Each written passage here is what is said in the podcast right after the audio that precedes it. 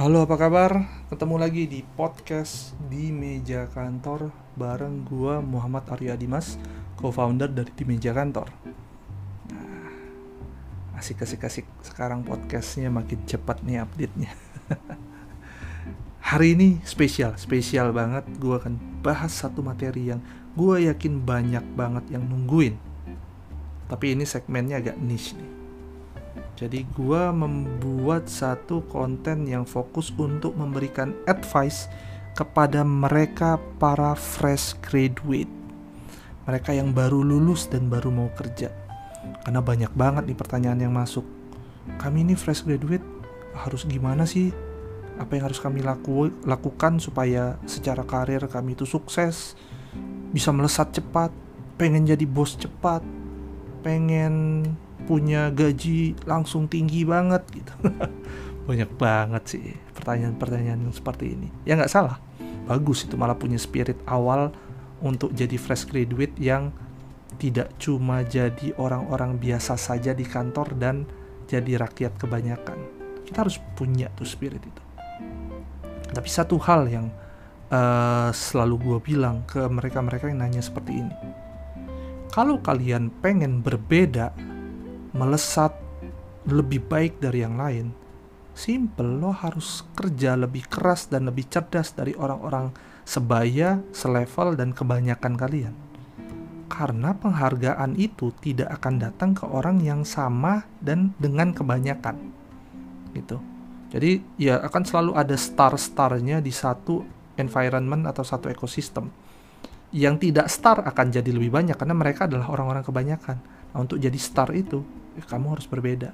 Nah, tapi hari ini gue akan list detail apa saja saran-saran dari gue untuk para fresh graduate yang masuk di dunia kerja.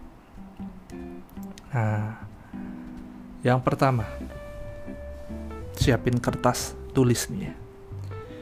Jikalau bukan tulang punggung keluarga satu-satunya, dan keluarga tidak makannya hanya bergantung dari duit gaji kalian, jangan pernah berpikir tentang uang sebagai satu-satunya alasan memilih pekerjaan atau decision ap apa pun terkait karir. Jangan. Kalau perlu kalian kesampingkan, kesampingkan. Nah, kenapa? Karena banyak banget yang salah pilih jalan karena baru awal sudah mikirnya duit ada tiga pekerjaan satu pekerjaan gajinya paling tinggi. Ya jelas lah gue pilih pekerjaan yang ini. Belum tentu itu keputusan terbaik. Benar-benar coba pikirkan apa yang pada saat itu paling kalian butuhkan. Bisa jadi bos yang oke okay, bisa jadi tempat industri yang tepat bisa jadi tempat kerja yang memberikan kesempatan untuk banyak belajar gitu.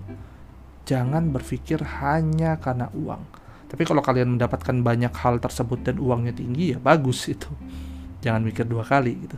Tapi jangan alasan nomor satu itu duit yang nomor dua bos yang tepat akan sangat sangat sangat berpengaruh ke karir. Nah memang kita tidak sepenuhnya bisa memilih bos.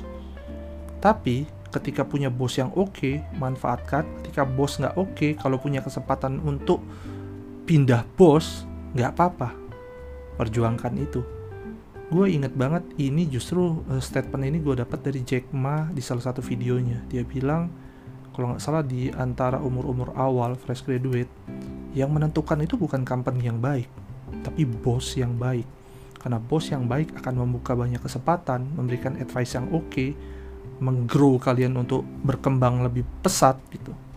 Dan akhirnya memberikan banyak benefit buat kalian. Nah nomor tiga pelajari skill yang menurut kamu nantinya itu tidak banyak yang punya. Jadi bukan skill yang uh, rata-rata terus kamu mencoba jadi yang terbaik di antara uh, orang-orang yang punya skill tersebut. Jangan, apain? Cari skill yang benar-benar otentik dan orang-orang itu bakal banyak yang nggak punya. Misalnya, jika kalian ada di med uh, industri medical, kalian mendalami medical dari sisi teknologi di mana orang-orang masih mendalami medical dari sisi biologis misalnya gitu. Nah, kalian bisa jadi seseorang yang berbeda banget tuh. Kalian akan jadi orang yang sangat dicari itu someday. Hal-hal seperti itulah. Sama kayak ketika saya di awal-awal bekerja, saya mendalami uh, digital marketing, di mana belum banyak orang yang menganggap itu sebagai sesuatu yang seksi. Nah, alhasil saya cukup panen tuh beberapa tahun berikutnya. Nah, itu pelajari skill yang menurut kamu nantinya tidak banyak yang punya. Nomor 4. Dari hari ini, dari awal karir kalian, perluas networkmu seluas-luasnya. Bahkan di luar kepentingan pekerjaan kantor kalian sekarang. Ikut asosiasi, asosiasi profesi apalagi, ikut komunitas, ikut perkumpulan-perkumpulan, datang ke acara-acara yang didatangi oleh banyak orang-orang karir. Karena akan banyak hal yang kalian dapatkan nanti karena network kalian ini. Tiba-tiba dapat project uh, yang kalian dapatkan justru dari komunitas bersepeda misalnya. Ternyata salah satu komunitas bersepeda itu adalah bos di satu company. Tiba-tiba atau kalian pindah atas basis rekomendasi karena orang yang kalian temui di asosiasi profesi. Banyak sekali yang bisa kalian peroleh dari network ini. Bahkan banyak orang yang sekarang direkrut atau dibeli oleh satu company because of company tersebut ingin memanfaatkan networknya. Oke, dan nomor 5. Loyallah terhadap karir, bukan kantor. Kalau alasannya tepat, tidak perlu takut untuk resign. Tapi bukan berarti apa-apa langsung resign gitu.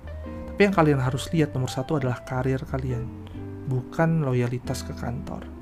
Selama di kantor tersebut memberikan nilai tambah ke karir, perjuangkan. Tapi kalau misalnya di kantor tersebut sudah tidak memberikan nilai ke karir kalian, kalian lepas pun nggak apa-apa. Nah, nomor 6, dari umur sekarang, semudah mungkin carilah mentor karirmu. Nah, ini sudah sering gue bahas, bahkan ada postingan YouTube dan uh, podcaster sendiri khusus tentang cerita mentor karir. Nah, secepatnya tapi temukan, belajar banyak dari dia, serap ilmunya, hindari kesalahan-kesalahan yang pernah dia buat, dan kalian bisa secepatnya mengejar levelnya dia someday gitu. Oke, 6 poin yang kalau kalian para fresh graduate lakukan pasti akan memberikan value yang baik buat karir kalian. Nah, jangan lupa kirim saran, kritik ke sosial media di meja kantor kalau misalnya ada yang uh, sudah dengar konten ini. Dan uh, sampai ketemu lagi di edisi podcast di meja kantor berikutnya. Sampai ketemu salam